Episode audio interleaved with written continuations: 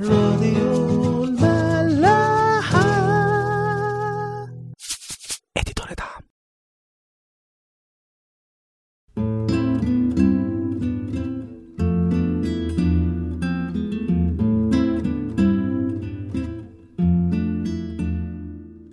متى 17 24 27 ولما جاءوا إلى كفر نحوم تقدم الذين يأخذون الدرهمين إلى بطرس وقالوا أما يوفي معلمكم الدرهمين؟ قال بلى. فلما دخل البيت سبقه يسوع قائلا ماذا تظن يا سمعان؟ ممن يأخذ ملوك الأرض الجباية أو الجزية؟ أمن بنيهم أم من الأجانب؟ قال له بطرس من الأجانب. قال له يسوع فإذا البنون أحرار. ولكن لئلا نعثرهم اذهب إلى البحر والق النار والسمكة التي تطلع أولا خذها.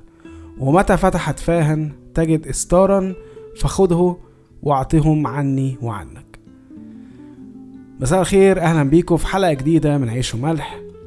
معجزة جديدة بنشوفها مع المسيح واللي يعيش مع المسيح ياما يشوف يشوف طبعا خير ومعجزات مهما كان إيمانه بيتهز أو كان لسه في مرحلة الطفولة الروحية أو التربية. وهي دي كلمة السر اللي قالها المسيح لبطرس في وسط كلامه. إزاي إن البنون أحرار؟ اللي هم إحنا. طب ليه بقى البنون دفعوا طالما هم أحرار؟ ومين هم البنون أصلا؟ خلونا نشوف.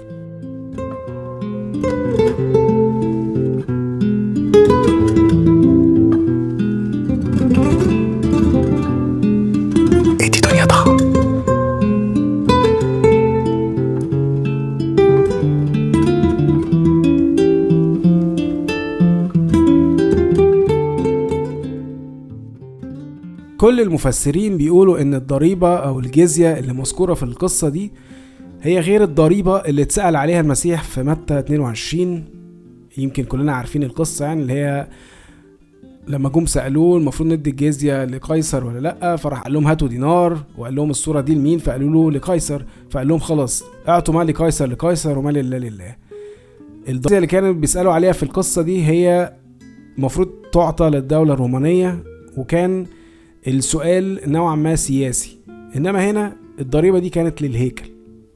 فالسؤال هنا روحي. المسيح بيقول له طالما إحنا أولاد ربنا لو أنا ابن الملك وأنتوا إخواتي يبقى ما بقيناش أغراب خلاص إيه اللي يخلينا ندفع ضريبة؟ ومش هنخش في الجدل ده قوي يعني عشان عامة الأسباب دايما كتير إننا ما ندفعش أيا كان إيه أو لمين. بس المسيح كان دايما جوابه مشابه. هنا قال لكن لئلا نعثرهم. وفي القصة مع الفريسين بعدين قال لهم اعطوا مال لقيصر لقيصر ومال لله لله وفي أماكن تانية كتير كان بيطالبنا بالخضوع ده. في متى خمسة في الموعظة على الجبل بيقول كده في أعداد 38 ل 42 سمعتم أنه قيل عين بعين وسن بسن. وأما أنا فأقول لكم لا تقاوموا الشر بل من لطمك على خدك الأيمن فحول له الآخر أيضا. ومن أراد أن يخاصمك ويأخذ ثوبك فاترك له رداء أيضا. ومن سخرك ميلا واحدا فاذهب معه اثنين. من سألك فأعطيه ومن أراد أن يقترض منك فلا ترده. وفي القصة دي وفي كل القصص أو المواقف المعلنة للمسيح بناخد بالنا قوي إنه هو عنده وجهة نظر. يعني هو فاهم كويس قوي إيه اللي ليه وإيه اللي عليه. أصلا مبدأ إنه البنون ما يدفعوش الجزية إنما الأجانب أو الأغراب ده كلام مش بتاع واحد مش فاهم حاجة يعني عن الدنيا. إنما لأ ده فاهم واعي كويس قوي. وفي كلامه في الموعظة على الجبل هو فاهم إن في ظلم.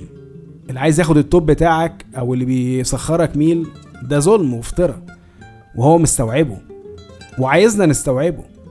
لكن اللي عايزه يختلف هو بقى رد فعلنا. ويعني في ضوء الكلام ده هنلاقي برضو بقى بولس بيقول في روميا 13 أعداد واحد لثمانية بيتكلم في نفس الموضوع ده. يقول كده لتخضع كل نفس للسلاطين الفائقة لأنه ليس سلطان إلا من الله والسلاطين الكائنة هي مرتبة من الله. حتى إن من يقاوم السلطان يقاوم ترتيب الله والمقاومون سيأخذون لأنفسهم دينونة. فإن الحكام ليسوا خوفا للأعمال الصالحة بل للشريرة أفتريد أن لا تخاف السلطان؟ افعل الصلاح فيكون لك مدح منه لأنه خادم الله للصلاح. ولكن إن فعلت الشر فخف لأنه لا يحمل السيف عبثا إذ هو خادم الله منتقم للغضب من الذي يفعل الشر. لذلك يلزم أن يخضع له ليس بسبب الغضب فقط بل أيضا بسبب الضمير. فإنكم لأجل هذا توفون الجزية أيضا إذ هم خدام الله مواظبون على ذلك بعينه. فأعطوا الجميع حقوقهم الجزية لمن له الجزية الجباية لمن له الجباية والخوف لمن له الخوف. والإكرام لمن له الإكرام. لا تكونوا مديونين لأحد بشيء إلا بأن يحب بعضكم بعضا لأن من أحب غيره فقد أكمل الناموس. طبعا أنا عارف إن في أسئلة كتير قوي بتطلع من القطعة دي بالذات وأنا يعني مكنتش عايز أخش فيها قوي ومش هخش فيها الحقيقة لأن هي موضوع تاني خالص. آه، أسئلة ممكن تكون عن الثورة وهل يعني ده معناه إن إحنا ما, ما ينفعش نقوم بأي ثورة أو بأي مظاهرة أو بأي اعتراض على أي حاجة السلطان أو أي حد يعني في مرتبة أعلى مننا إن هو بيعملها غلط إن إحنا نعترض عليها؟ طبعا هو ده مش الكلام هنا. الكلام بوجه عام إن أنا أبقى خاضع للسلطان اللي فوقيه حتى لو هو مش أحسن حاجة لأنه دايما ده بيبقى ترتيب من ربنا. إنما في حالة الثورات والمظاهرات والحاجات دي بيبقى في حالة عامة. وإحنا بسبب مشاركتنا للآخرين كون إن إحنا جسد واحد فطبيعي إن إحنا بنحس بنفس الحاجة. وأي اعتراض مننا ساعتها بيبقى في ضوء محبتنا للآخر وفي ضوء محبتنا للعدو نفسه اللي هو ربنا وصانا عليه. أما الكلام هنا فيا ريت نحاول نفصله بقى عن الحالة الثورية دي. هو بيتكلم عن الظلم بشكل عام اللي هو موجود في الدنيا اللي هنلاقيه دايما في كل يوم. واللي هو كتير قوي ممكن ما يبقاش ظلم بالنسبة للناس وبالنسبة لناس تانية هو ظلم. فهو المسيح وبولس من بعد كده بيحاولوا يفهمونا إزاي رد فعلنا المفروض يكون ناحية الظلم ده. طيب وبعدين؟ ماشي.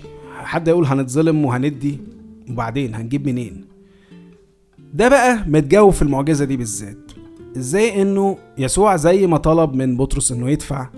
بالرغم إن هو ما كانش مفروض يدفعه. بس بعت له حق الجزية دي وبشكل قصد إن هو يكون معجزي. وطبعا زي ما اتعودنا بقى دايما إنه تحقيق المعجزة دايما بيكون معتمد على إيماننا. والإيمان بيبان بعمل الإيمان. فده كان دور بطرس البسيط في القصة دي كلها إن هو يآمن بكلام يسوع اللي هو غير معقول يعني كان ممكن المسيح يقول له زي أول معجزة عملها معاه روح ارمي الشبكة وهيطلع لك سمك كتير فبيعه وتعالى ادفع عننا. مش كده؟ أو كان ممكن يقول له آه، حتى احفر تحتينا هنا هتلاقي الستار ده. إنما هو طلب منه يعمل حاجة مختلفة حتى لو في المجال بتاعه اللي هو الصيد. يصطاد سمكة بصناره والسمكة دي بالذات هيلاقي فيها الاستار اللي هيدفعه عنه. وبطرس صدق وراح. وعشان صدق وآمن عمل وعشان عمل بالإيمان المعجزة حصلت. وعشان يورينا يسوع كلنا إنه كلامه ده هو قده. أي وصية المسيح قال لنا عليها هو عارف حجمها عارف إنها ممكن تستغل غلط والناس تفتري علينا. بس طالما إحنا بنصدق فيها وبننفذها عشان خاطره فهو كمان كفيل بينا وهيسدد كل احتياجاتنا. بس إحنا نصدق.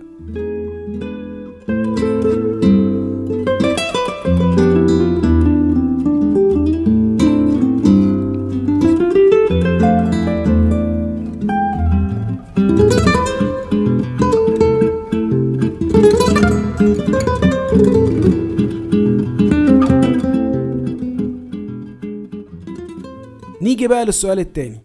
مين هما البنون أصلا؟ يعني مش كل الخليقة دي من عمل ربنا؟ يبقى كلهم بنون.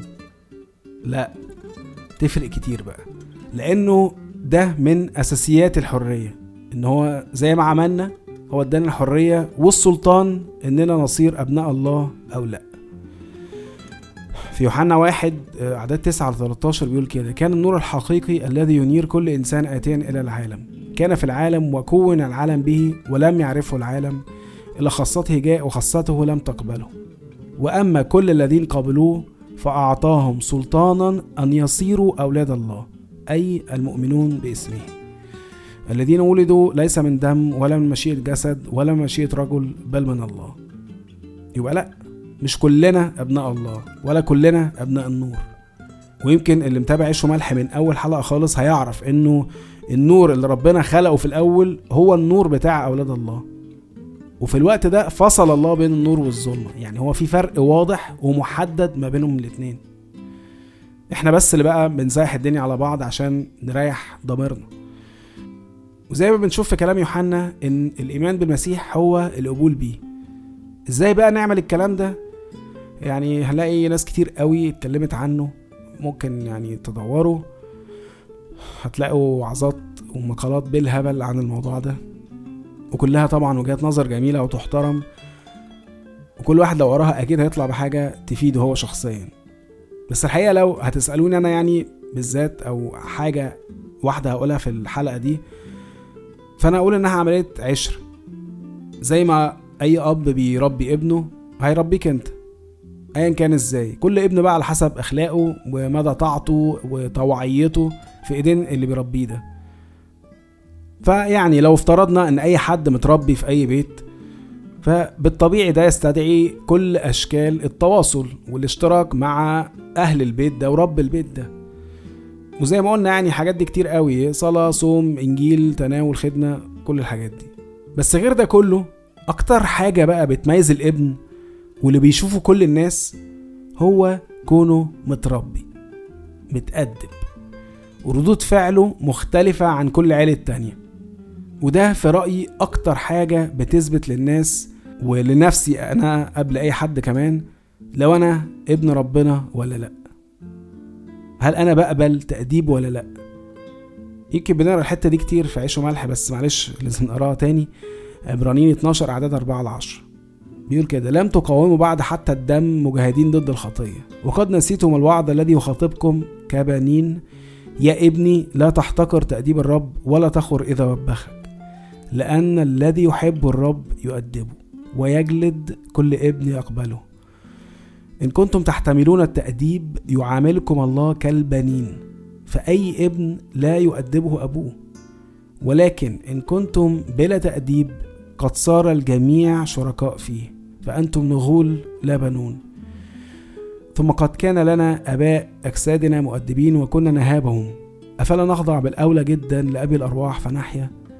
لأن أولئك أدبونا أياما قليلة حسب استحسانهم وأما هذا فلأجل المنفعة لكي نشترك في قدسته لو جينا بقى طبقنا الكلام ده كله على واحد زي بطرس مثلا هنلاقيه متحقق. بطرس مع كل العبر اللي فيه يعني يقول اللي تقوله متهور إيمانه ضعيف منافق بيقول كلامه يحمل عكسه. بس في الأول وفي الآخر كان متربي. يعني شوفوا رغم إنه يمكن أكتر تلميذ خد كلام في جنبه من المسيح. وكان غالبا أكبر التلاميذ سنا على فكرة برضه ما كانش بعيد عن المسيح خالص. بس عمره ما اعترض على عتاب المسيح ليه. واللي كان ممكن يوصل للتعنيف يعني زي ما قال له في مرة اذهب عني يا شيطان. والقصة دي كنا حكيناها من كام حلقة يعني عدت علينا. فرغم كل ده عمر بطرس ما اتسجل له أي اعتراض أو رد فعل عنيف بسبب الكلام ده. ليه؟ لأنه كان متربي. ومش بس كده ده كمان كان مطيع. حتى في أصعب الأمور تصديق ورغم إن هو دايما يعني داخل بدماغه بس كان دايما بيسمع كلام المسيح. والكلام ده كان المفروض يبقى صعب على بطرس خصوصا إن هو بالذات كان راجل صياد وعايش طول عمره في البحر. فلو تاخدوا بالكم دايما أوامر المسيح لبطرس كان ليها علاقة بالبحر. اللي هو خبير فيه متربي فيه. يعني في أول علاقتهم خالص يقول له خش في العمق يا بطرس يخش. ارمي الشبكة الناحية دي يرمي. آه تعال أمشي على المية في وسط العاصفة يمشي. وبعدين دلوقتي يقول له روح اصطاد سمكة بصنارة هتلاقي فيها الإستار يروح. طب نيجي نسأل بقى بطرس كان إيمانه عامل إزاي؟ واقع. صومه كان ماشي إزاي؟ يعني زي ما شفنا من حلقتين محدش في التلاميذ كان بيصوم. صلاة دايما بينام. سمع وصايا يعني مفيش أكتر منه شاف وسمع وما اتعلمش حاجة. بس رغم كده هو أكتر واحد شاف معجزات مع المسيح. ليه؟ عشان كان ابن وكان متربي. أوعى تتضايق أو تحبط ابدا لو أنت فيك كل العبر. أهم حاجة إنك تفضل ابن ربنا وتسيبه يربيك. ومش النهاردة ولا بكرة ولا بعد عشر سنين لأ لحد آخر يوم في عمرك. أشعية 44 أعداد 3 ل 4 يقول كده. اسمعوا لي يا بيت يعقوب وكل بقية بيت إسرائيل. المحملين علي من البطن المحمولين من الرحم وإلى الشيخوخة أنا هو وإلى الشيبة أنا أحمل. قد فعلت وأنا أرفع وأنا أحمل وأنجي نشوفكم الحلقة الجاية.